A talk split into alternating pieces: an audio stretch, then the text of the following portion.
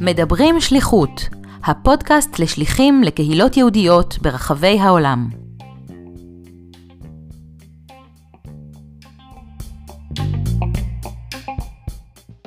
שלום למאזינים, כאן דוקטור אסי אהרונוב. אם נושא של שליחות לקהילות יהודיות בתפוצות מעורר בכם התרגשות מיוחדת, אם הנושא מעניין אתכם כשליחים בהווה או בעבר, אם פעם שקלתם לצאת כשליחים לתקופה משמעותית, ואתם רוצים לשמוע על חוויות השליחות מפי כאלו שהיו שם, אני מזמין אתכם להאזין לראיונות שאני עורך עם שליחים בפודקאסט מדברים שליחות. בכל פרק נראיין שליח או שליחה שישתפו אותנו בחוויות השליחות שלהם.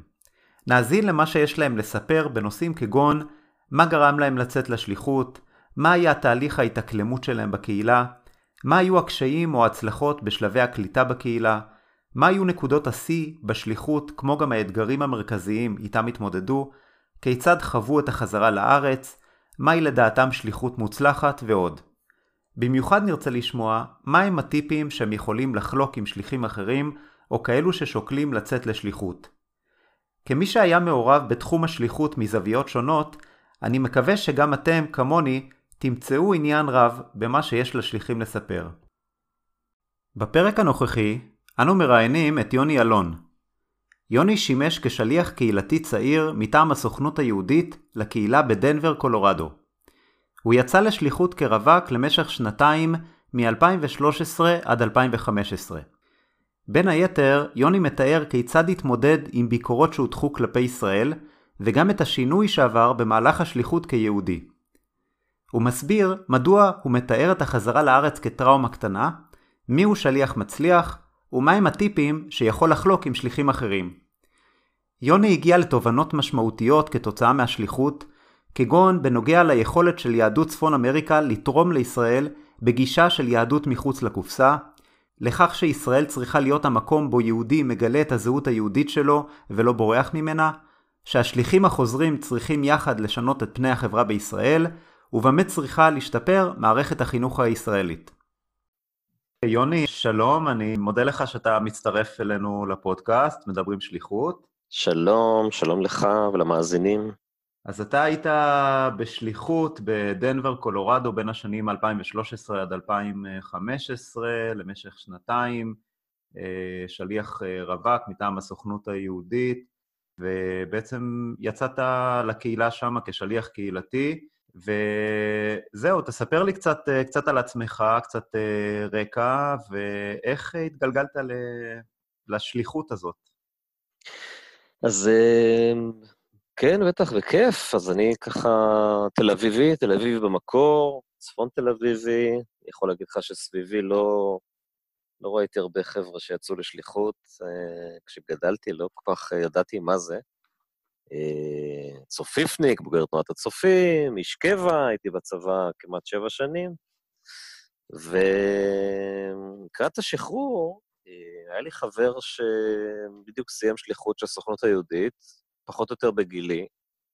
סיפר לי על זה, אני לא ידעתי בכלל על האופציה הזו, אני חשבתי ששליחות זה משהו שעושים אה, אנשים מבוגרים עם משפחה וילדים, ככה, ככה אני דמיינתי את זה.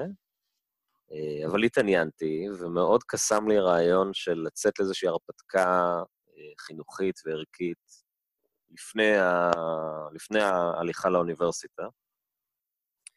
אה, והגשתי מועמדות, ושמחתי שהודיעו לי שהתקבלתי, והאמת שדנבר, הקהילה שהגעתי אליה, זו בעצם האפשרות הראשונה ש...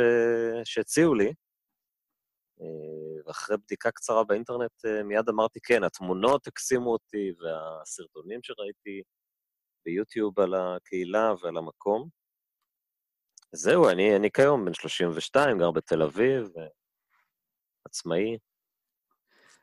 היה באיזשהו מאמר שאתה פרסמת, אה, פרסמת כמה, כמה מאמרים ו, וחומרים וגם ראיונות, אה, אז באתר החדשות אה, The Times of Israel, אתה מתאר איזשהו ילד ששאל אותך שאלה קצרה וככה קולעת, והוא שאל אותך, למה באת לכאן? נכון? אני חשבתי נכון, שזה נכון. ככה שאלה אה. מאוד מאוד אה, חדה, ש... אה, מה, מה בעצם ענית לו? איך אה, התמודדת עם השאלה הזאת של, של ילד קטן? אה, כן, אה, זו הייתה שאלה יפה.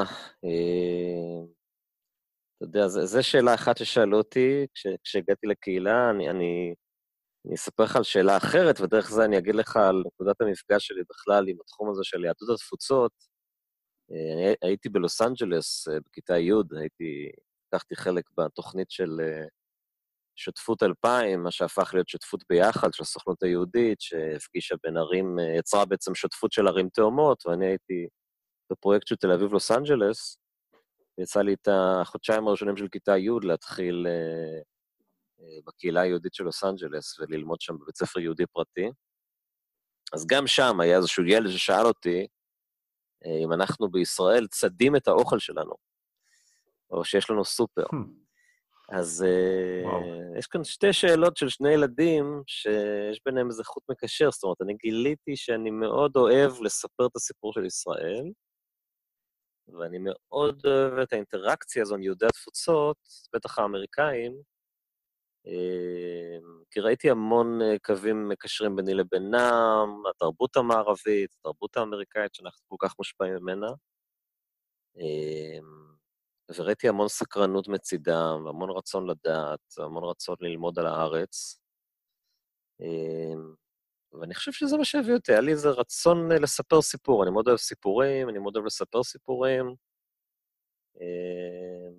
קסם לי הרעיון שיש שם קהילה יהודית ש... ש... שרוצה ומזמינה שליח, שיבוא ויביא את הסיפור של ישראל לקהילה. אה, ועל הדרך אני יכול להגיד לך שספגתי את הסיפור שלהם, שזה היה באמת מקסים. אנחנו עוד נגיע לזה. אתה הצלחת לשכנע את הילד הזה? אני לא יודע, הצלחתי לשכנע אותו, אבל אני חושב שעוד נפגשנו כמה פעמים בהמשך, ושיחקנו משחקים, ואני יכול להגיד לך ש... שגיליתי ככה גם את החיבה שלי והאהבה שלי לחינוך אה, בלתי פורמלי לילדים. אני יכול להגיד לך, אתה יודע, זו אנקדוטה, שהגעתי לקהילה היהודית, אני הייתי שליח ב-JCC, שזה בעצם, אה, למי שלא יודע, זה סוג של מתנס כזה מורחב וגדול עם country club וגני ילדים. זה היה ארגון מאוד מרשים, עבדו בו משהו כמו כמעט 85 עובדים, עם תקציב של 8 מיליון דולר בשנה. בהחלט לא המתנס הטיפוסי בשכונה שאנחנו גרים בה. וביקשו שאני אעבוד בגני ילדים. זאת אומרת, הגדירו לי שאני צריך לעבוד בגני ילדים אה, פעם בשבוע לפחות, למשך כמה שעות. והיה לי מאוד קשה עם זה. הגעתי מהקריה, הייתי קצין, הייתי בדיונים עם uh, תת-אלופי משנה ותתי-אלופים, ומה פתאום לי, אני עכשיו אה, אלך להדריך בגני ילדים וללמד על ישראל, זה היה תהליך ארוך של לשים את האגו הישראלי בצד, ולאמץ גם את האזרחות, מה שנקרא, וזו הייתה חוויה ממש כיפית, להיכנס לגני ילדים, לאט-לאט, להתחבר אליהם, לראות את הפוטנציאל ש, ש, שגלום ולהשפיע על ילד בגיל הזה ולעצב את הדברים שהוא חושב בצורה מסוימת. זו הייתה, זו הייתה ממש חוויה. זה איזושהי תקופת הסתכלות ו...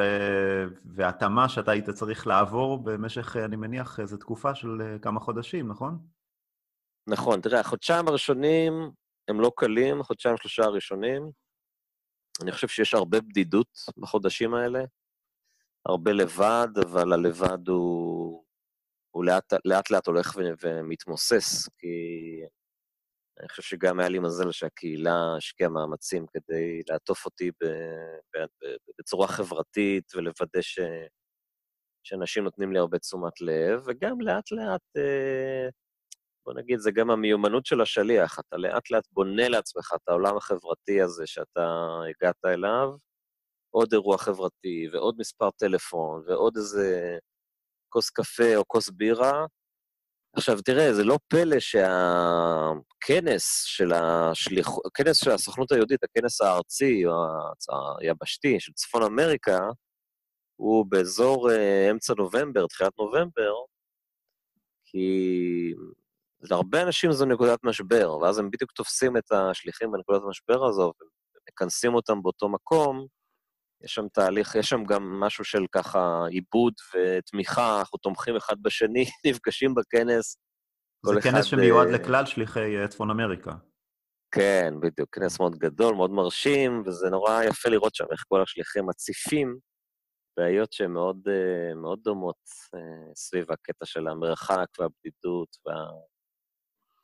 אבל אני יכול להגיד לך שבאמת, אחרי שלושה, ארבעה חודשים, וואו, אתה מתחיל להרגיש שם בבית, אתה מתחיל, יש את הקטע הזה שאתה מפסיק להשתמש ב-Waze או גוגל מפס, ואתה מתחיל לנהוג לבד ולהתמצא ברחובות. אתה מתחיל פתאום לפגוש יהודים צעירים בגילך, שנגיד הגיעו לקהילה אה, לפני כמה ימים או לפני כמה שבועות, ופתאום אתה זה שמדריך אותם בכניסה שלהם לקהילה היהודית. זה, זה קטע ממש נחמד. אז אם אתה חושב על התקופה הראשונה הזאת, אה, איך אתה...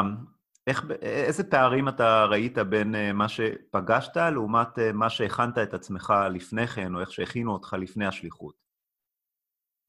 אני אנסה, אתה יודע, אני תוך כדי שאתה שואל, אני חושב, אם יש לי תשובה ברורה וחדה, אני, אני יכול להגיד לך שמאנשים מסוימ, מסוימים שאולי ציפיתי לרמה מאוד גבוהה של ידע סביב ישראל, גיליתי רמה יותר, טיפה יותר בסיסית ויותר שטחית, אה, וטיפה פחות מורכבות. אני זוכר כל מיני מפגשים כאלה, דווקא עם אנשים אה, טיפה יותר מבוגרים ממני, כאילו בגילאי 40 ו-50,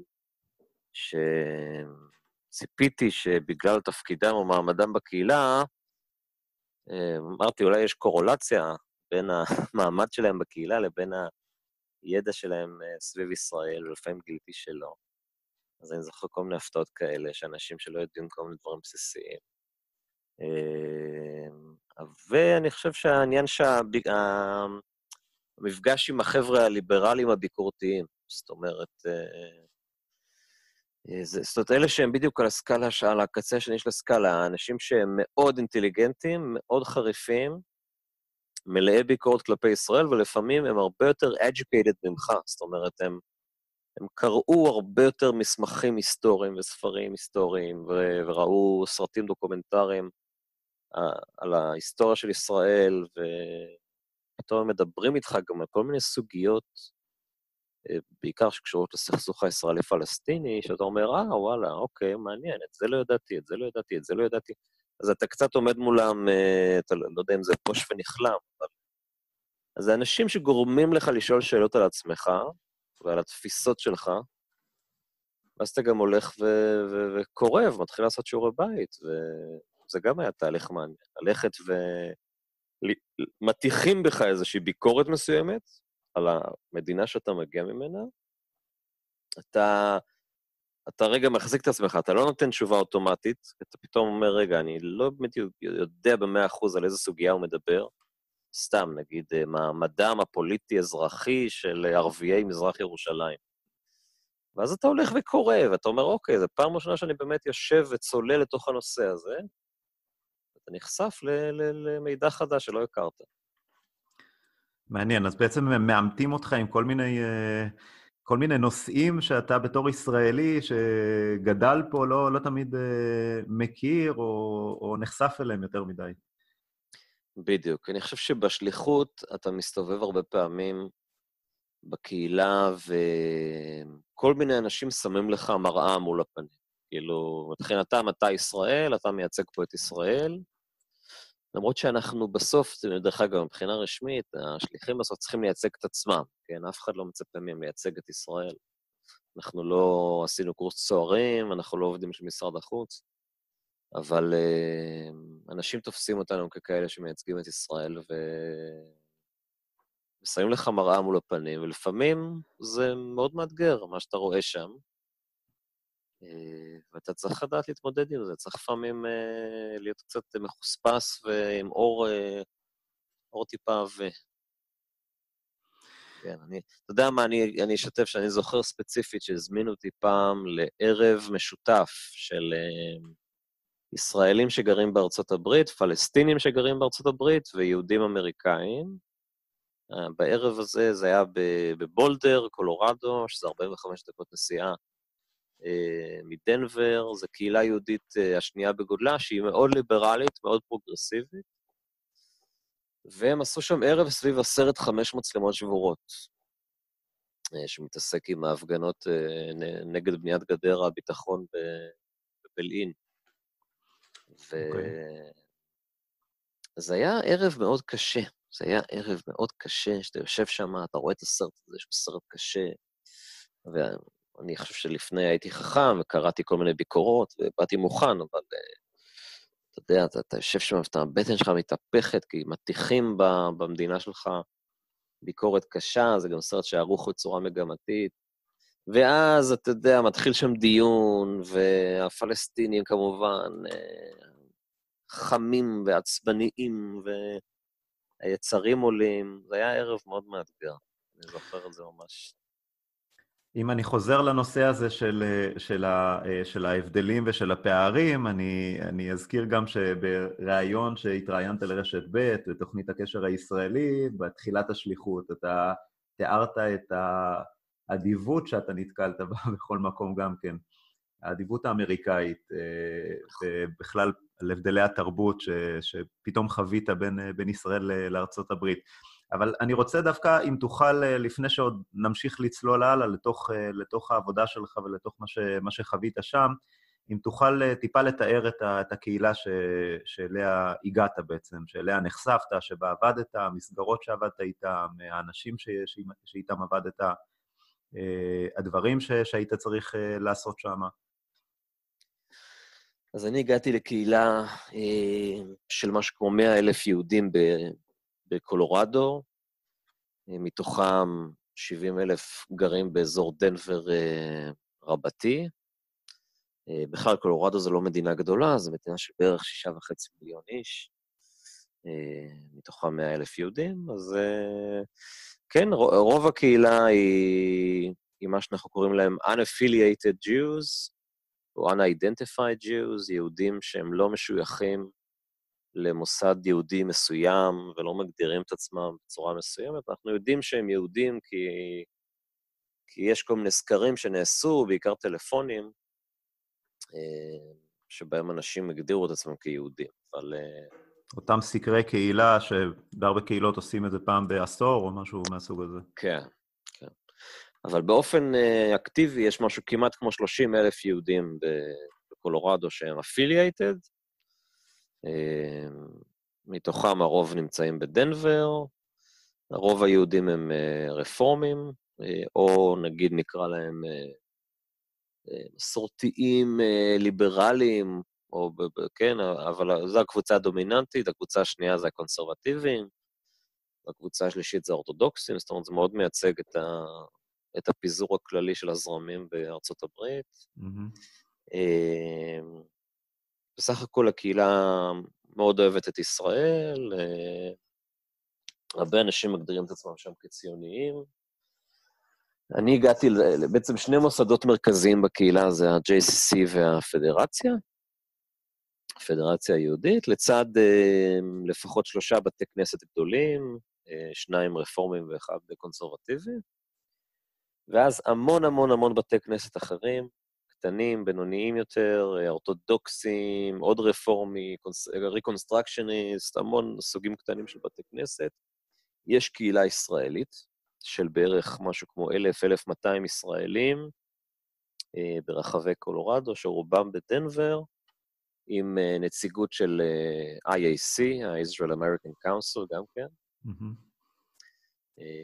אז קהילה באמת מאוד מגוונת, כיפית. אני חושב שיש שם הרבה אנשים שמה שמאפיין אותם אמ, זה הבחירה שלהם לגור באזור שהוא יחסית אמ, מרוחק מהמרכזים העסקיים הרחבים יותר של ארה"ב, כאילו מהחוף המזרחי והחוף המערבי. הם הגיעו לקולורדו הם בוחרים באיכות חיים, להיות קרובים לטבע, להרי הרוקיז, לסקי בחורף, אה, למרחבים פתוחים וגדולים. יש שם כן. המון התעסקות באיכות חיים, בתחביבים גם. אה, ואני הייתי עובד ב-JCC, הייתי שליח ל-JCC, ה-Jewish Community Center, אה, הייתי השליח השני שם, ש... שהגיע לקהילה, ל-JCC הזה ספציפית. זאת אומרת, אין היסטוריה ארוכה של שליחים שם בקהילה, לפחות ב-JCC. ב-JCC לא, בפדרציה כן, בפדרציה היהודית, אני, אני הגעתי כש, כשהייתה שם שליחה, שמה היה מיכל, והיא הייתה שם שנתיים, ובעצם היינו, עוד שנתיים שלה, היינו ביחד, היינו כל התקופה היינו בחפיפה, אה, והיא דווקא הצטרפה למסורת יפה, של, של יש שם של, שליח בכיר, אה, או שליח בוגר, נמצא שם כבר אה, משהו כמו מעל עשר שנים, on and off, אז זה כן קהילה שהמילה שליחות ידועה לה. היום, דרך אגב, אין יותר שליח ב-JCC, מטעמים פיננסיים, הייתי אומר, ויש. עדיין שליח בכיר עם המשפחה שלו, ויש יש ארבעה ישראלים שעושים שם שליחות שנת שירות של הסוכנות היהודית אה, בפדרציה, וזה משהו מאוד יפה שקורה. אבל את השליחות שלך היא בעצם, אה, הם לא, אין להם, אין להם כיום. נכון. אין להם שליח אה, צעיר שמתעסק עם young adults, עם צעירים בגילאי, נגיד הייתי אומר 21 עד, עד 35, 40, אין להם מישהו ספציפית לדמוגרפיה הזו. גם אין להם שליח אה, שנמצא בקמפוסים ובאוניברסיטאות, כמו שיש בהרבה מקומות, אולי, mm-hmm. אולי יהיה בעתיד. אה, ומצד שני, יש גם להגיד שבקולורדו אין הרבה בלגן או אה, אתגרים מול תנועת החרם, אה, BDS, בקמפוסים. אוקיי. Okay. אז איך, איך בעצם נראה, אה, נראה יום העבודה שלך בעצם? מה, מה, מה ציפו ממך לעשות? מה עשית? אה, יזמת דברים אה, מיוחדים במהלך התקופה? כן, אז קודם כל הימים, יש להגיד, היו מאוד, בהשוואה לארץ, היו מאוד נעימים ונוחים ברוב המקרים. במיוחד בהשוואה למה שהיית בצבא לפני כן, אני מתאר לעצמי. כן, כן. אתה יודע, אתה מגיע, הגעתי משגרה של 12-13 שעות עבודה ביום לשגרה הרבה יותר נינוחה. כן. אמ, אני, הציפייה ממני הייתה, אמ, והאמת שזה נעשה בצורה מסודרת, אמרו לי, תקשיב, בוא תראה. זו ה, זה הארגון, זה ה-JCC שלנו. אתה מוזמן לראות uh, ולבקר פיזית במחלקות השונות ולדבר עם מנהלי המחלקות. ובו גם תעיין במשימה של המחלקות ובתוכנית העבודה שלהם. ואני מדבר, כשאני אומר מחלקות, אני מתכוון למרכז הספורט, לגן הילדים, אה, למחלקת המשפחות הצעירות שיש שם, למחלקת התרבות, ובוא תראה איך אתה משתלב בעשייה השנתית של כל המחלקות האלה. זאת אומרת, המנכ"ל אמר לי, אני רוצה לראות איך ישראל נכנסת כמשהו מוחשי לפעילות השנתית של כל המחלקות האלה. אז אם זה בגן ילדים, זה אומר אה, שיעור, כמה שיעורים בשבוע בגן ילדים. ואם זה מחלקת המשפחות הצעירות, אז זה ללכת ולראות איזה פעילויות הם עושים לאורך השנה, שאני יכול לבוא ולהכניס שם איזה רכיב אה, שקשור לישראל, אם זה בחומרים חינוכיים, אם זה בחינוך בלתי פורמלי, אם זה ישיבות צוות או דברים שקורים לעובדים, כל מיני הכשרות צוות וישיבות. אז הייתי מכניס שם פעילות על ישראל, עדכון חדשות על ישראל. אה, במחלקת התרבות, נגיד, היה פרויקט מאוד יפה, שהשתלבתי, וזה היה ביחד עם השליחה הבכירה שהייתה איתי שם, אה, השתלבנו בפסטיבל הסרטים של הקהילה היהודית, שאורגן על ידי מחלקת התרבות של ה-JCC, ובעצם באנו ואמרנו רעיון שכאילו היה יוצא דופן מבחינתם, אמרנו, אם אתם גם ככה מביאים סרטים על ישראל, בואו בסוף הסרט או בתחילתו נעשה פאנל של אנשים רלוונטיים שיעלו על הבמה וידברו על הסרט, על הנושא, יענו על שאלות, בואו נביא אורחים מהקהילה, ישראלים שקשורים איכשהו לנושא הסרט.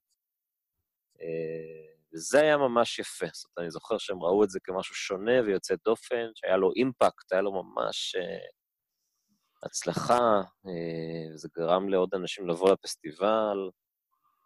Uh, בעצם ממש נתתם ערך מוסף לפסטיבל הזה שממילא התקיים שם. כן, כן, אני חושב שזה הרבה פעמים טקטיקה של שליחים, זאת אומרת, אתה תסתכל איפה אתה יכול להוסיף ערך מוסף לדברים שכבר קיימים גם ככה, ואיפה אתה יכול ליצור מאפס. אז ליצור מאפס, אה, זה תמיד האתגרים הגדולים, אבל למשל הצעדה למען ישראל שעושים ביום העצמאות, אה, אז גם להוסיף אירועים נוספים למה שקורה בסוף הצעדה, כל מיני פעילויות עם בני נוער. תראה, אני אתן לך עוד פרויקט יפה שהייתי מעורב בו, למשל, אה, אה, השליחה הבכירה שהייתה איתי שם, ו... ואני אמרנו, בואו אה, נרתום את הכוח שיש ליש... לאמריקאים יהודים שעשו תגלית, והיו בארץ בתגלית, ולאחר מכן גם עשו תוכנית מסע. תוכנית מסע, למי שלא יודע, תקופה של בדרך כלל בין שלושה לעשרה חודשים בארץ, שעושים איזושהי תוכנית חינוכית משמעותית בארץ. אז החבר'ה האלה היו בישראל, הם חוו משהו משמעותי. הם חזרו לקהילה שלהם, בואו נרתום אותם כדי לעשות איתם משהו בקהילה סביב ישראל, והיא בזמנו, מיכל, היא הקימה אה, ועדה של האנשים האלה, של מתנדבים, שבאמת הייתה בהם תשוקה לנושא הזה. כן. והיא צירפה אותי לעניין הזה, ואנחנו יחד איתם הרמנו פרויקט מאוד נחמד, שנפגשים צעירים בגילאי 21 עד 45 אה, פעם בחודש, כל פעם באיזשהו בית אחר, סביב ישראל, מדברים על ישראל, רואים סרט על ישראל, מכינים אוכל ישראלי, קראנו לזה It's Real Israel. בואו למפגשים של שיחה אמיתית סביב ישראל בגובה העיניים, עם השליחים, עם אוכל טוב, עם שתייה. וזה גם היה זיהוי הזדמנויות, זאת אומרת, לבוא, לזהות מי בקהילה השחקנים שמוכנים לשתף איתך פעולה, לארגן אותם, להרים להם את הטלפון ולבקש את זה מהם, שכאילו הם רק חיכו שמישהו ידבר איתם ויקרא להם לעשות את זה, אה, ולהוציא את זה לפועל.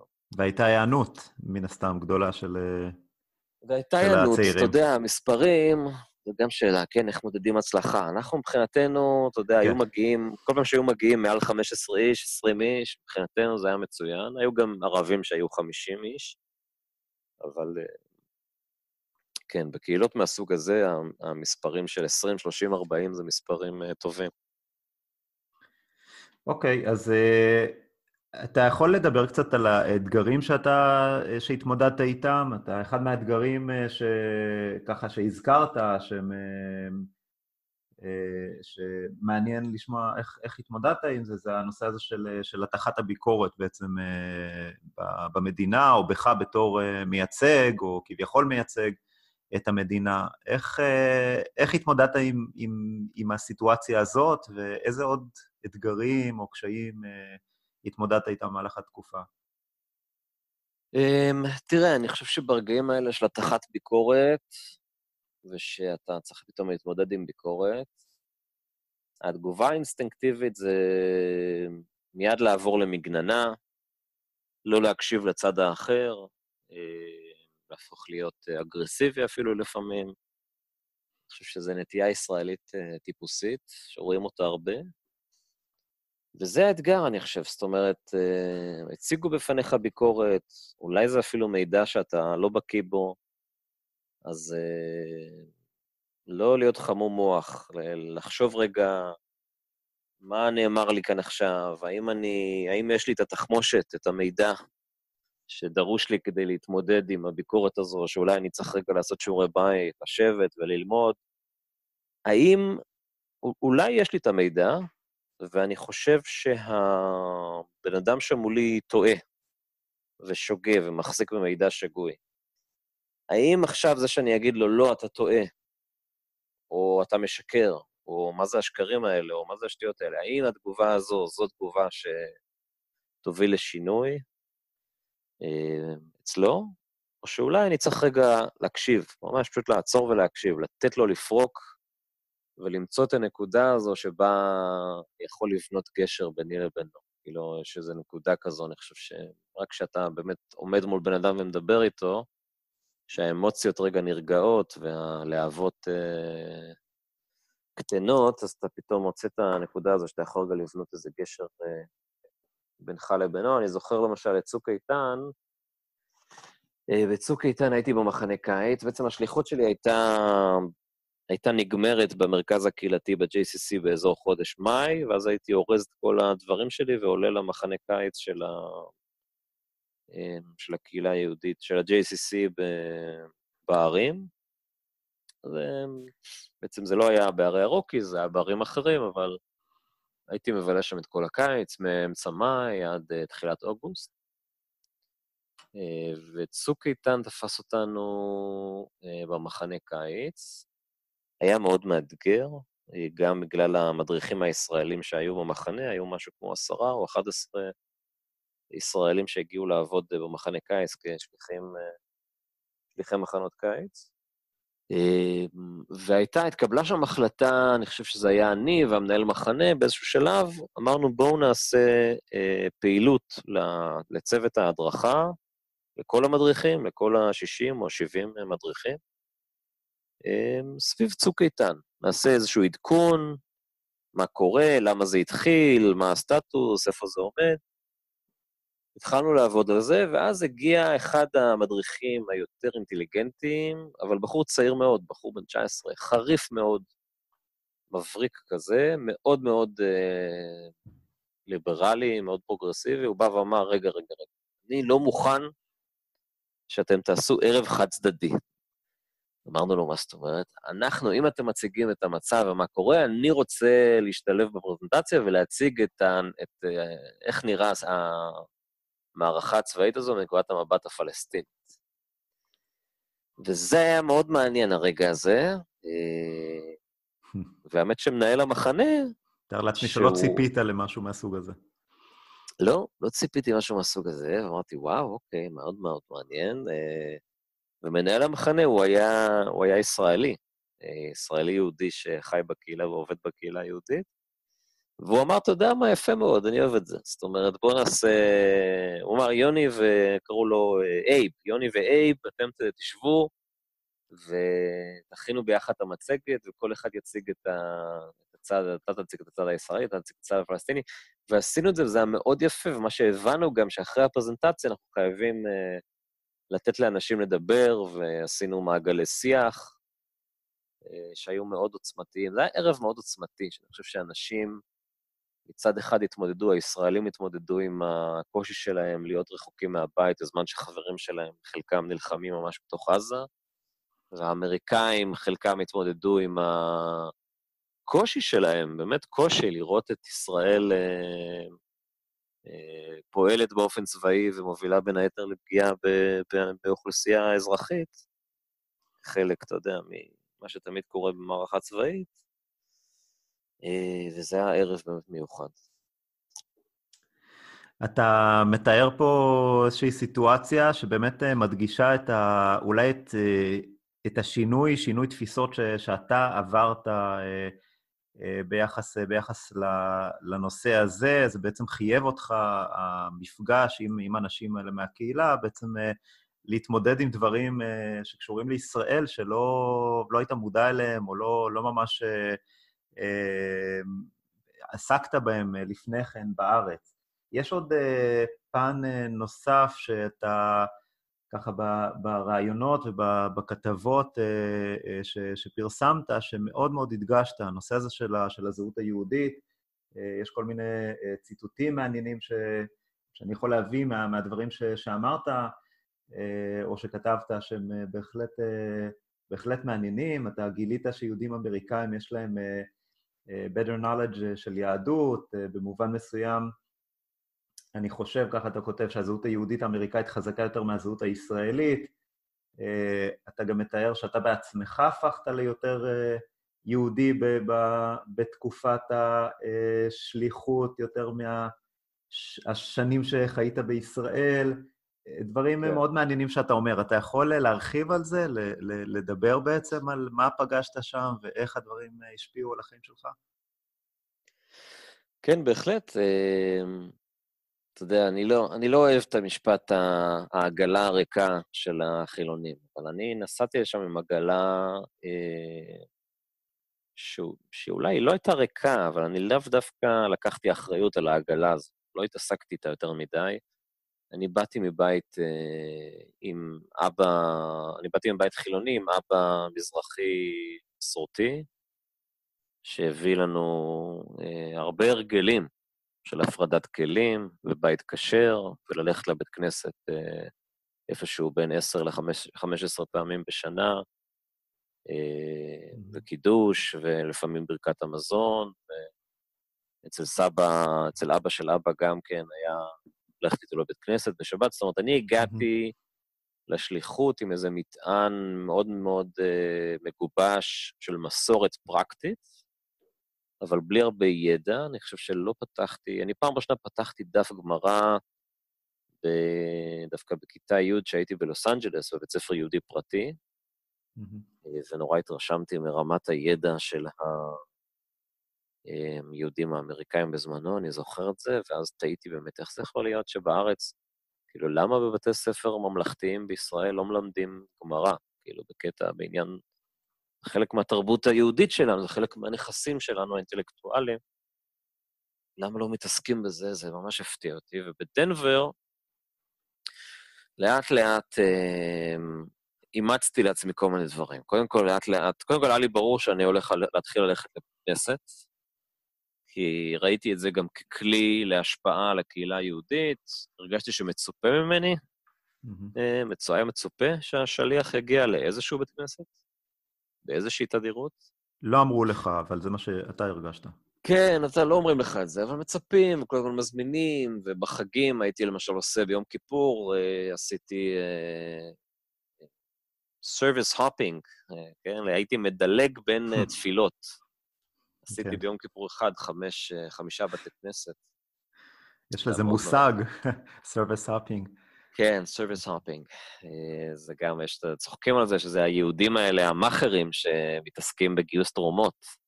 אז הם כן. קופצים מבית כנסת לבית כנסת. אבל uh, מצאתי שם את בית הכנסת שלי בסופו של דבר, די מהר, זה היה בית כנסת מאוד מאוד יפה, זה היה בית כנסת uh, קונסרבטיבי, שהציע במקביל תמיד שתי תפילות, תפילה רגילה ותפילה מוזיקלית. ואני מצאתי את עצמי בתפילה המוזיקלית, תפילה יחסית אינטימית של משהו כמו 100 איש, uh, שהיו מגיעים כל שבת בבוקר, אה, עם כלי הקשה בלבד, כי בכל זאת זה קונסרפטיביים, אז רק uh, כלי הקשה ושירה. ואז גיליתי גם שיש את הקטע הזה שקוראים רק שליש מהפרשה כל שבת, ואז הם בעצם בשלוש שנים הם משלימים את הספר תורה, כי הם לא רוצים שהתפילה תהיה ארוכה מדי, כי זה פוגע במוטיבציה של האנשים להגיע. במקום בעצם השלמת פרשה שלמה, וככה מסיימים את זה בשנה אחת. אבל אז כן. הקריאה יותר ארוכה כל, כל שבת. כן. כן, אז, אז ממש אהבתי את זה, התחלתי ליהנות, הייתי מגיע, וזה גם מציעים לך ארוחת צהריים אחרי התפילה, וקצת אה, וויסקי עם המבוגרים בפינה של הבית כנסת, וכל מיני רגעים קטנים כאלה שהייתי מאמץ לעצמי. ודבר שני שהתחלתי לעשות זה מדי פעם הייתי הולך ללמוד יהדות, אה, בכל מיני שיעורים בקהילה, אצל כל מיני רבנים, אה, וזה היה ממש כיף. אני לאט-לאט אה, הלכתי וגיליתי שאני מאוד נהנה מזה, אני אוהב את התרבות היהודית, ואני זוכר את הרגע הזה, למשל, שהבוסית שלי, או הבוס, אני לא זוכר, ביקשו ממני שאני אכין דבר תורה לישיבת צוות של העובדים. אה, ואמרתי, מה, מה זאת אומרת? כן, אמרו לי, אתה שליח ישראלי, אנחנו רוצים שתעביר דבר תורה על פרשת השבוע לצוות של העובדים. מבחינתם זה היה מובן מאליו שאתה, שאתה מכיר את זה, שאתה יודע מה זה ומה כן. מצופה ממך במסגרת הזאת. כן, אני חושב שזה היה יחסית בתחילת השליחות, אתה יודע, ואז עולות בי מחשבות של, רגע, מה לי ולדבר תורה? אני חילוני, אני מצפון תל אביב, אני... מה זה? זה רק רבנים יכולים להעביר דבר תורה. אה, וזה רגע של התפכחות, שאתה אומר, אוקיי, אני, יאללה, אני עושה את הדבר תורה הזה. אני יושב, אני קורא את הפרשה, ואני קורא פרשנות לפרשה, ואני מחפש איך הפרשה הזו קרובה לענייני היום-יום שלנו. זרקו אותך למים העמוקים, מה שנקרא. כן.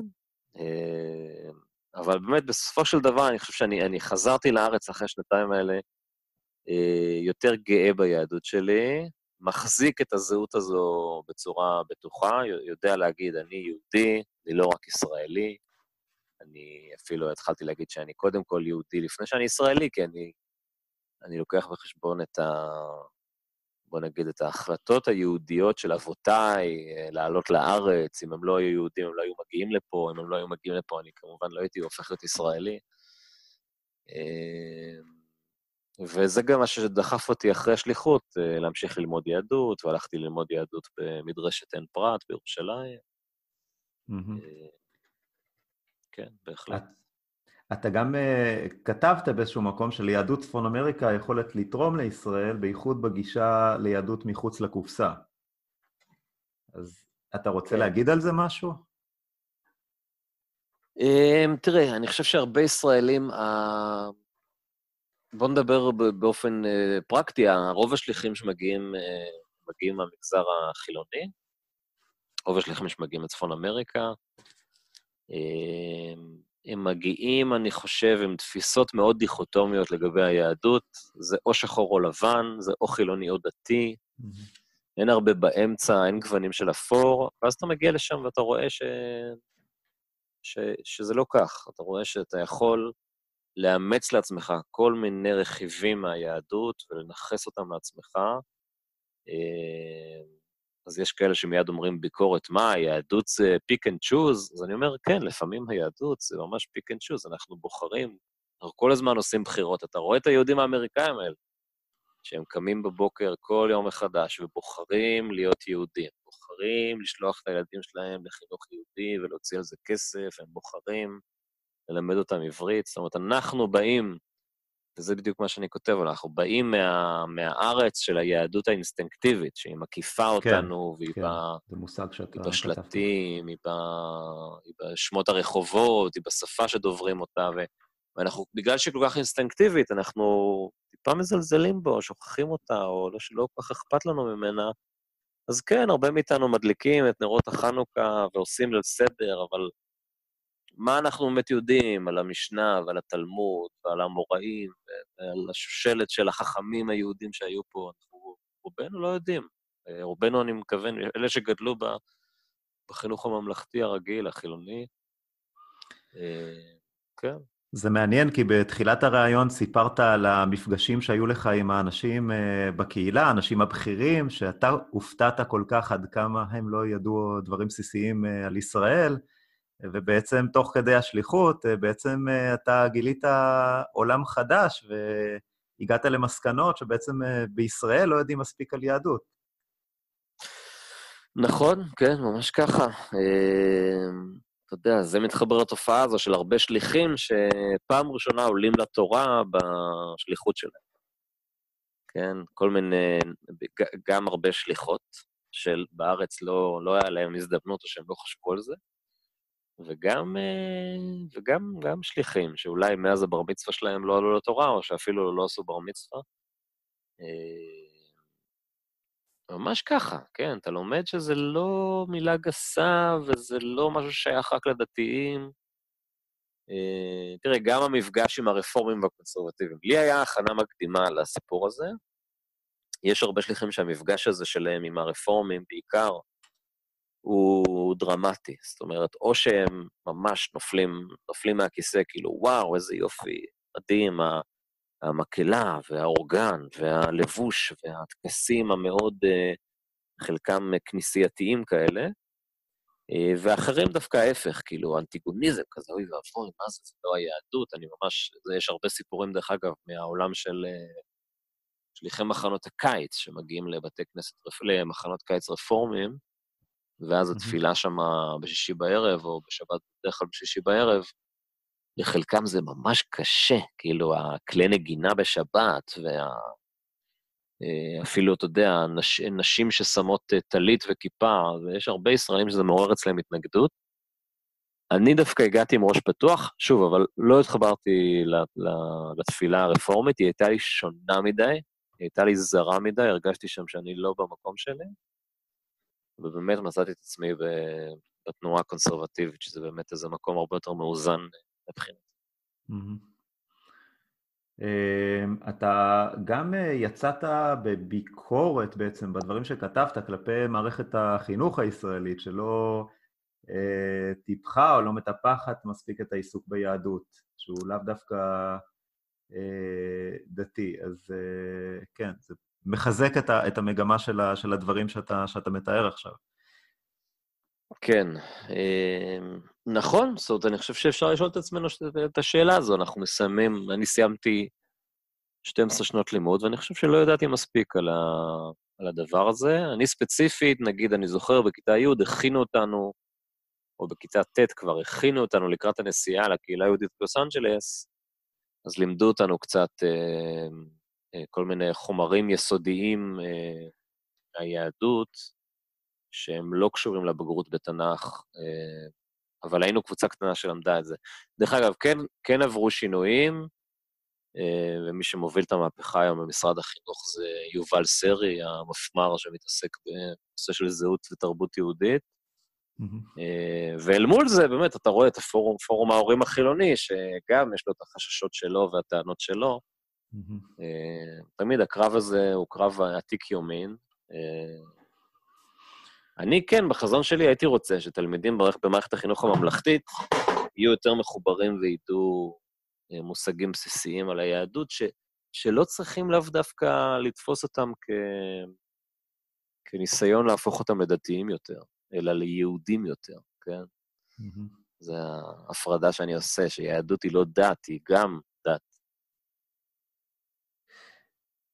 איך הייתה אה, תקופת החזרה לארץ? זאת אומרת, איך אה, חווית את החזרה לארץ?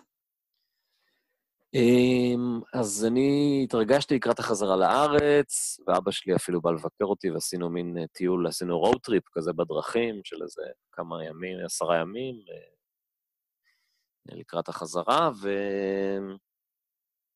והיה מאוד מאתגר, הרגשתי שאני באמת עוזב מקום שהפכתי אותו לבית, גם מבחינה חומרית היה לי שם מצוין, היה לי שם מאוד טוב, וגם מבחינה חברתית. אה, ולחזור, לחזור לבית של אמא שלי, ולגור איתה פתאום, ולאבד חלק מהעצמאות, חלק גדול מהעצמאות.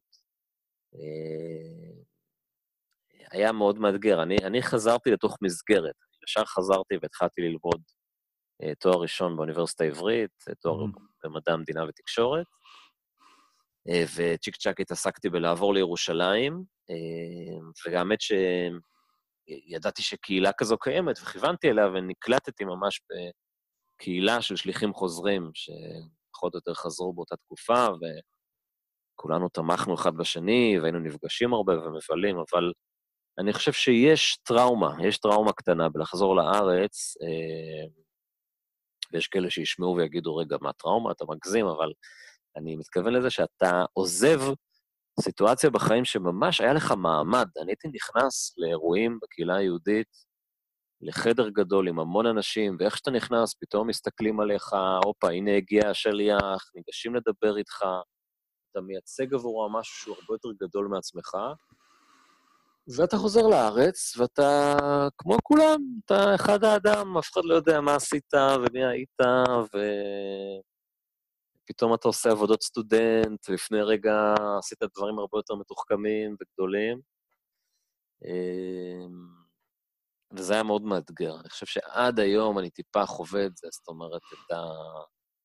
את העניין הזה שהייתי פעם אה, מנהיג באיזושהי קהילה, ועכשיו אני, אני אזרח ישראלי שבונה את עצמו ועובד יום-יום אה, למען עצמו,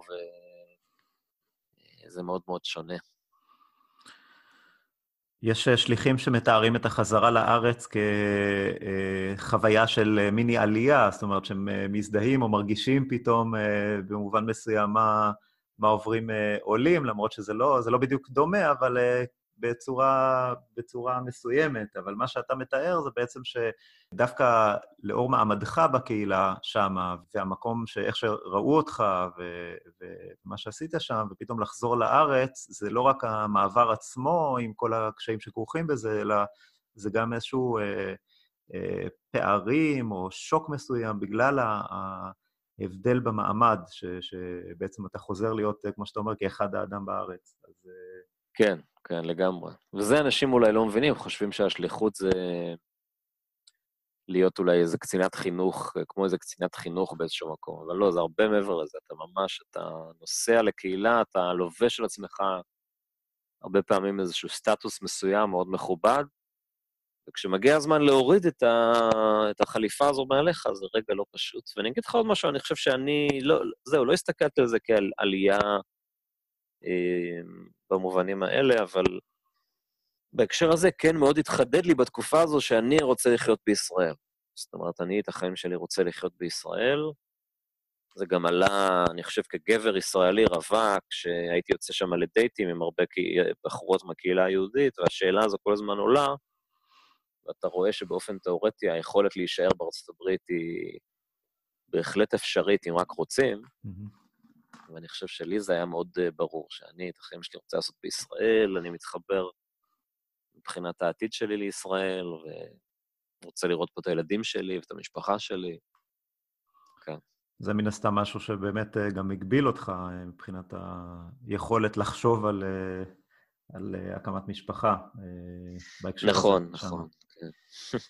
אה, החזרה לארץ היה איזשהו אה, משהו שגם אה, כתבת באיזשהו מקום, שבעצם אתה לא בטוח אפילו שהרבה מהחברים שלך, לא, לא יבינו בעצם את השינוי שאתה, שאתה עברת, אז, אז באמת חשבתי שזה איזשהו משפט ככה אה, מאוד, מאוד מייצג את, את התיאור של, של מה, ש, מה שעכשיו סיפרת, את המעבר הזה של חזרה לארץ, שגם החברים נכון. שלך הקרובים בעצם לא, לא יכולים להבין, אתה לא יכול בעצם לשתף אותם עד כדי כך, אה, ב, לא, לא יבינו מה שאתה. נכון, נכון. ואני רק אגיד לך שהיה לי חשוב לשתף תוך כדי השליחות, על החוויות שלי, ויצרתי לעצמי רשימת אה, תפוצה במייל של משהו כמו 100, 100 איש, חברים ובני משפחה, שהייתי כותב להם פעם בכמה חודשים אה, מייל כזה עם תמונות וכל מיני סיפורים על דברים שאני חווה,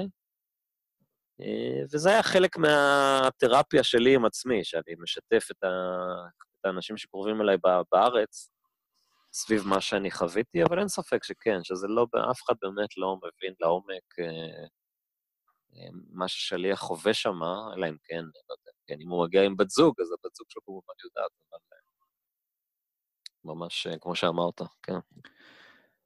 מה, מה מבחינתך עכשיו בפרספקטיבה לאחור היה מתאים להגדיר כיעדי השליחות? זאת אומרת, עכשיו אחרי ש...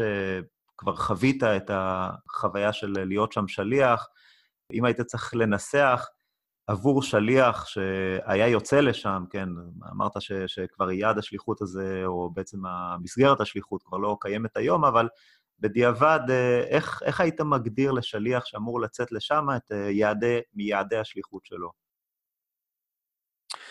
איך הייתי מגדיר לו את יעדי השליחות? אמ, אני חושב שצריך להשקיע בעיקר באוכלוסייה הצעירה של uh, גילאי היסודי, חטיבת תיכון, uh, ולא הייתי אומר סטודנטים, כי הם, הם לא באמת שם, הם בקמפוסים, אז הייתי אומר, אוכלוסיית ה-young adults, אותם חבר'ה צעירים שסיימו תואר, ובדרך כלל נגיד הם ב...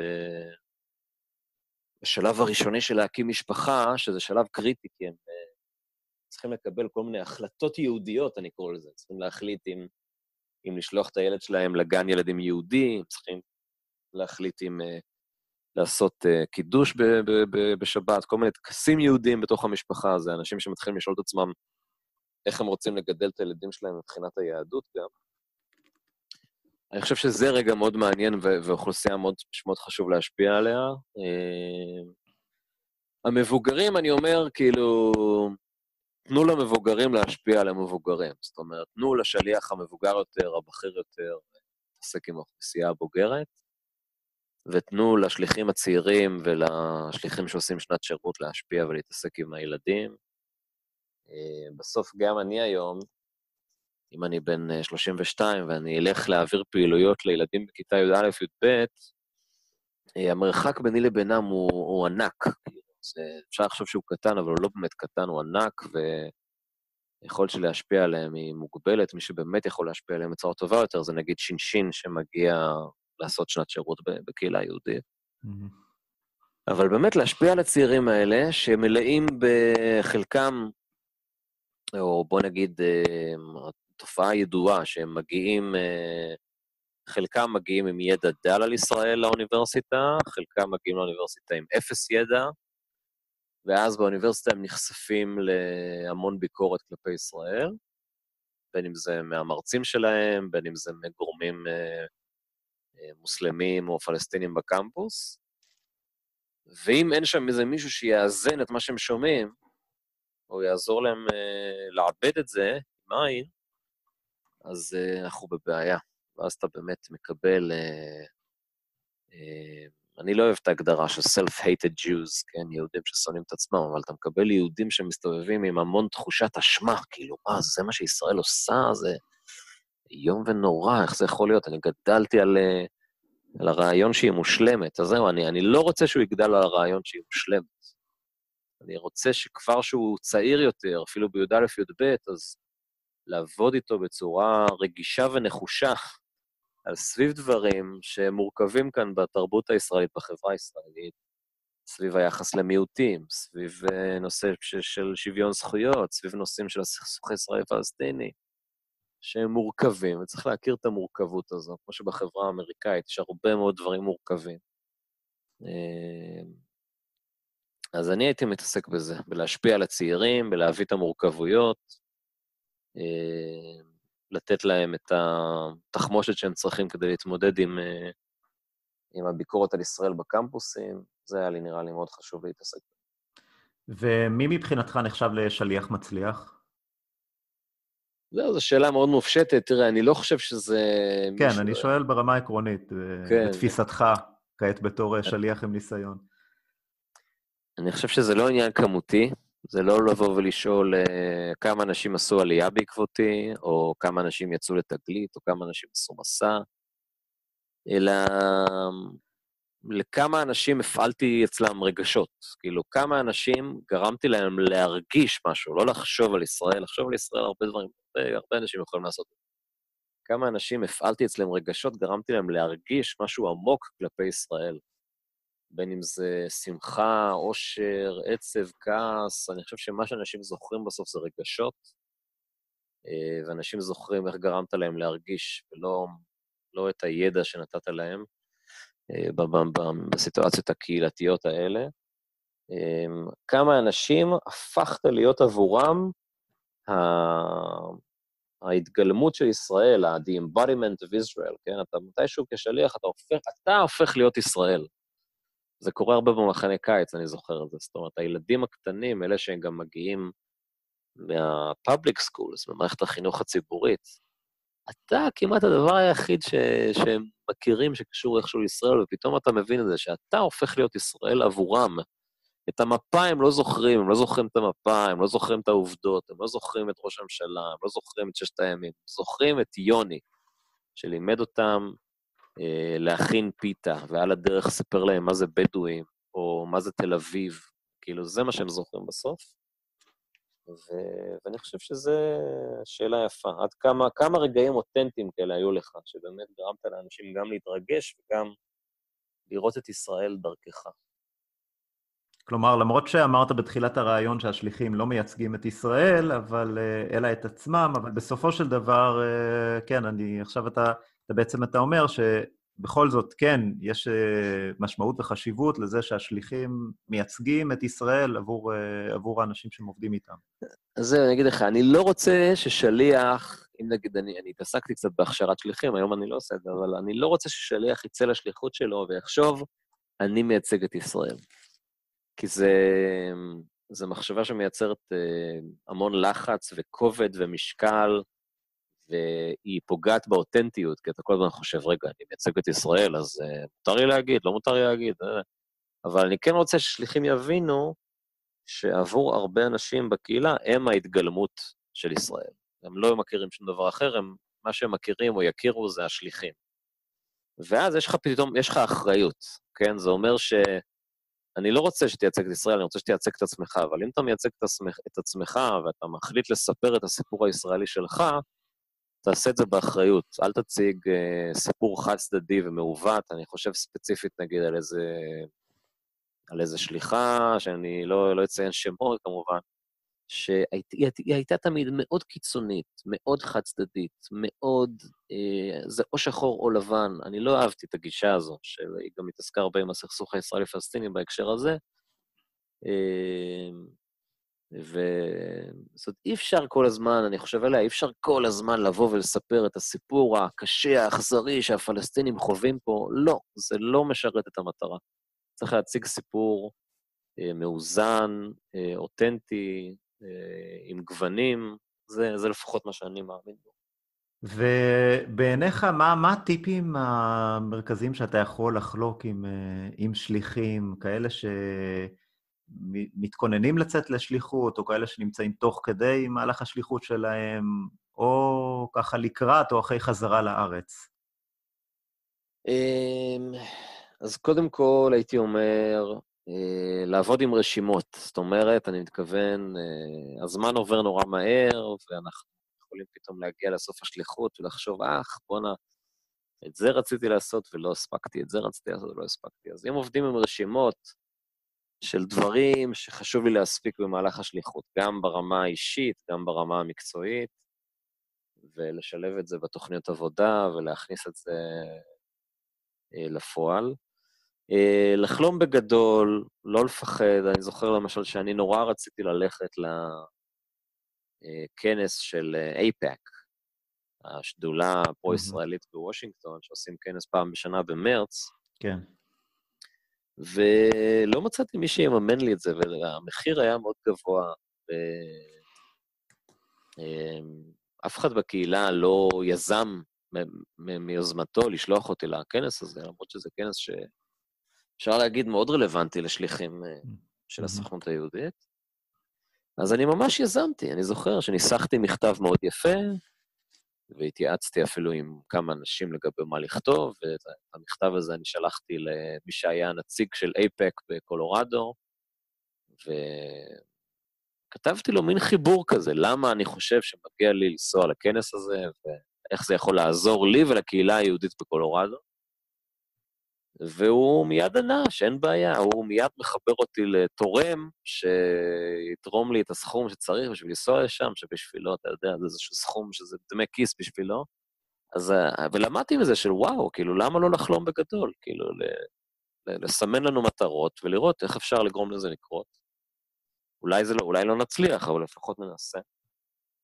אז זה טיפ אחד. אה, קשרים חברתיים, להשקיע בזה הרבה. אה, יש הרבה רגעים בשליחות שמציעים לך לעשות כל מיני דברים, להצטרף לאירועים, לעשות פתאום איזה תחביב חדש, לפגוש עכשיו אנשים חדשים, ולפעמים הדבר היחיד שמה שבאמת בא לך זה ללכת הביתה ולראות נטפליקס, אה, מתחת לפוך. אז אה, דווקא ברגעים האלה, לא. כאילו, אל תלך הביתה, לך ותעשה את הדברים השונים והמיוחדים, אני זוכר שככה התחלתי לעשות סקי. מישהו אמר לי, יאללה, יוני, בוא תנסה לעשות סקי, ואני נורא פח... כאילו, לא, לא, לא, זה לא בא לי בטוב.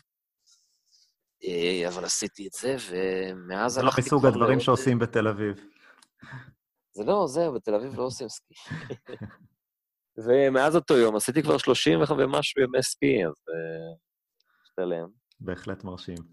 דרך אגב, הזמינו אותי לצוד, להצטרף לציד, אה, של אה, צבעים, של דירס, אה, ודווקא לזה לא הלכתי. זאת אומרת, הרגשתי לא, לא בנוח עם האקט הזה, שדווקא עבור הרבה אמריקאים, בטח במרכז ארצות הברית זה ממש... זה כמו ללכת לשחק כדורגל בשכונה, כן? אתה יודע מה, אולי הטיפ האחרון לקראת החזרה לארץ בסוף השליחות, להיפרד יפה, לסגור קשרים בצורה יפה גם, להכין רשימה של כל האנשים שחשוב לי להיפרד מהם. חלק מהם אני אפרד בצורה אישית, חלק אני אפרד בטלפון, חלק בהודעה, חלק במייל. למי אולי אני רוצה לקנות מתנת, מתנת פרידה? אני למשל סימנתי לי אה, חמישה אנשים שמאוד השפיעו עליי, והלכתי וקניתי להם, הזמנתי מאמזון את הספר אה, אה, קיצור תולדות האנושות של יובל נוח הררי באנגלית, וקניתי להם את זה עם איזו הקדשה יפה, וזה משהו שאני יודע שמאוד השפיע עליהם והשאיר חותם. לחשוב בצורה אסטרטגית, אי אפשר לדעת איך הקשרים האלה שיצרתי לעצמי בקהילה יקדמו אותי בחיים אה, שנים אחר כך. חלק מהאנשים שאנחנו פוגשים הם אה, או שהם כבר מאוד מצליחים, או שהם הולכים להיות מאוד מצליחים, ומי שחושב לטווח רחוק זה מאוד אה, מומלץ להתעסק בזה ולחשוב על הקשרים האלה שאתה יוצר שם בקהילה. אה, זהו. זו באמת סוגיה מאוד, מאוד מעניינת, נושא, נושא הפרידה מהקהילה, שבעצם כל, כל מהות העבודה שלך שם היא בעצם להתחבר לאנשים, ו... ואחרי שנה, שנתיים או שלוש, אתה בעצם עוזב אותם, ו- ו- והנושא של הפרידה הוא בהחלט, בהחלט חשוב. אני, אני חושב שאתה מאוד מאוד הדגשת בדברים שאמרת את, ה- את ההשפעה שהייתה לשליחות אה, עליך, כן. ומאוד מאוד הדגשת את, ה- את, ה- את הפן הזה. אני רוצה לסיום לשאול אותך, אה, בעקבות משהו שאתה כתבת, שוב, אה, ששליחים צריכים יחד לשנות את פני החברה בישראל. Mm-hmm. אתה יכול כן. להרחיב על זה, להגיד על זה כמה מילים? אז אני חושב שיש לזה שני היבטים. קודם כל, אני חושב שבהיבט הראשון זה אקטיביזם אה, אזרחי-חברתי כללי. אה, יש אה, משהו באוכלוסייה הזו של, של שליחים חוזרים, ולפעמים טיפה יותר בשליחות הארוכה מאשר במחנות קיץ, כי המחנות קיץ, בלי לזלזל בחוויה הזו, ואני עשיתי אותה גם, אז אני יודע לדבר עליה, אז uh, חוויה יותר קצרה, אז גם ההשפעה שלה היא אחרת, היא שונה. Uh, ובשליחות הארוכה, החבר'ה שחוזרים לארץ אחרי שנה, שנתיים, שלוש, אני חושב שיש בהם משהו מאוד אקטיביסטי. זאת אומרת, הם, הם ראו איך אפשר ליצור שינוי חברתי בסקייל uh, קטן בדרך כלל, או בינוני נגיד, והם גם מגיעים עם כל מיני כלים חברתיים שהם צברו, הם פתאום רואים ולומדים איך מפעילים מתנדבים, איך מגייסים מתנדבים, כן, איך עושים uh, how to mobilize uh, people, ואני חושב שאפשר לרתום את האוכלוסייה הזו, לעשות פה כל מיני שינויים חברתיים, ובאמת רואים מתוך האוכלוסייה הזו של שליחים חוזרים, שהרבה אנשים הולכים לעבוד במגזר החברתי, בעמותות, במגזר השלישי, ואני חושב שזה לא סתם, כן? יש שיגידו, אה, בטח, כי הם לא מוצאים עבודה במקומות אחרים. אז לא, אני חושב שבאמת כי אה, בוער בהם הרצון להשפיע ולשנות uh, את החברה בישראל, ויש הרבה יוזמות יפות uh, שיצאו משליחים, סתם אני חושב עכשיו על שני שליחים שלמשל הקימו בבאר שבע uh, איזושהי עמותה שהתעסקה בהשאלה של uh, חפצים יומיומיים כמו מקדחה, מברגה, שואב אבק, אה, כל מיני כלי עבודה, לאנשים שאין להם יכולת לקנות את הדברים האלה לבד, ואתה פשוט בא ואתה משאיל ומשתמש ומחזיר, כל מיני דברים קטנים כאלה ש... או שליחים, יש גם לאט לאט תופעה יפה של שליחים שהולכים ומשתלבים בהייטק הישראלי אה, במקומות יותר חברתיים או יותר אנושיים, כמו אה, משאבי אנוש, כמו אה, שיווק, אה, כמו גיוס לקוחות, גיוס משקיעים, אה, אנשים שיודעים לעבוד עם אנשים, כן? To work with other people. אנשים שחוזרים לארץ עם כישורים אישיים מאוד גבוהים. ובהיבט השני זה ההיבט היהודי, של המקום של היהדות בישראל, המתח בין החילונים לדתיים, שזה אתגר אחד, מתח בין היהדות הכללית לחילונים בישראל, שמפחדים הרבה פעמים מהיהדות ורואים אותה, או, או רואים כל מיני גורמים ועמותות כאנשים שמנסים להפוך אותם לדתיים יותר. וזה הרבה פעמים יושב על איזשהו פחד, אני לא אגיד שאני מפחד, אני לא, לא אגיד שאנשים מפחדים מעצמם, אלא אנשים מפחדים, כאילו, מה יכול לקרות לי אם אני אתעמק עכשיו ב... בנכסי הצאן ברזל האלה של המורשת היהודית שלי. כאילו, אני אולי חושש מזה שזה יהפוך אותי לדתי. לא, זה לא יהפוך אותי לדתי, אני אומר, אתם בטוחים בזהותכם, אל תפחדו מזה, אבל בואו תפתחו ספר ותראו מה מסתתר שם בהקשר של העבר המאוד עשיר שלנו. אני חושב שגם בזה שליחים חוזרים יכולים להתעסק, בנושא הזה של איך היהדות נתפסת בארץ. לא פלא שהרבה שליחים שחוזרים לארץ הולכים ללמוד במדרשת עין פרת, בבינה, בעלמה, בכל המקומות האלה של ההתחדשות היהודית. יש גם, זה עדיין תופעת שוליים, אבל שליחים חוזרים שהולכים ונהיים רבנים ורבות uh, בתנועות הקונסרבטיביות והרפורמיות. וכאלה שהולכים ועושים, זה אני רואה הרבה שהולכים ועושים תואר שני ביהדות אחרי השליחות. וכן, אני חושב שזו אוכלוסייה שיש לה פוטנציאל, והיא כבר משפיעה בצורה יפה על החברה בישראל. יוני, אני רוצה מאוד להודות לך על הדברים. אתה באמת פרסת בפנינו את כל רוחב היריעה של, השליחות שלך והמחשבות והתפיסות שלך לגבי, uh, לגבי השליחות uh, שלך ובאופן כללי, ותודה רבה לך. בבקשה, תודה רבה לך ולמאזינים, זה היה כיף גדול. תודה שהאזנתם לפרק נוסף של מדברים שליחות. אני מקווה שנהניתם מהראיון עם יוני אלון. קישורים לכתבות ולראיונות שהתקיימו עם יוני אלון וששימשו כרקע לטובת הראיון הנוכחי תוכלו למצוא בתיאור הפרק. האם האזנתם לראיון האחרון שקיימנו עם בני הזוג תמי וישראל צדוק? תמי וישראל יצאו לשליחות לקהילה היהודית בשיקגו ארצות הברית בין השנים 2013 ל-2017.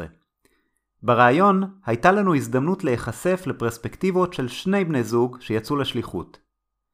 לרעיון הזה ולרעיונות שקיימנו עם שליחים נוספים, אני מזמין אתכם להאזין דרך אתר הפודקאסט מדברים שליחות, או באמצעות אפליקציות הפודקאסטים המרכזיות. בכל פרק אנחנו מצטרפים למסע השליחות של שליח או שליחה לקהילה יהודית בעולם. אם גם אתם הייתם שליחים בעבר, או אם אתם שליחים בהווה, או אם אתם מכירים שליחים אחרים שישמחו לשתף בסיפורים ובטיפים, אני מזמין אתכם ליצור איתנו קשר באמצעות המייל מדברים שליחות כרוכית gmail.com או באמצעות צור קשר באתר הפודקאסט מדברים שליחות.com. אם נהניתם מהראיון, המחמאה הגדולה ביותר עבורנו תהיה שתשתפו אחרים ותיידעו אותם על הפודקאסט. אשמח לשמוע מכם כל הצעה או שאלה בנוגע לפודקאסט, אני מזמין אתכם לכתוב לי במייל מדברים שליחות כרוכית gmail.com. תודה ולהשתמע בפרק הבא.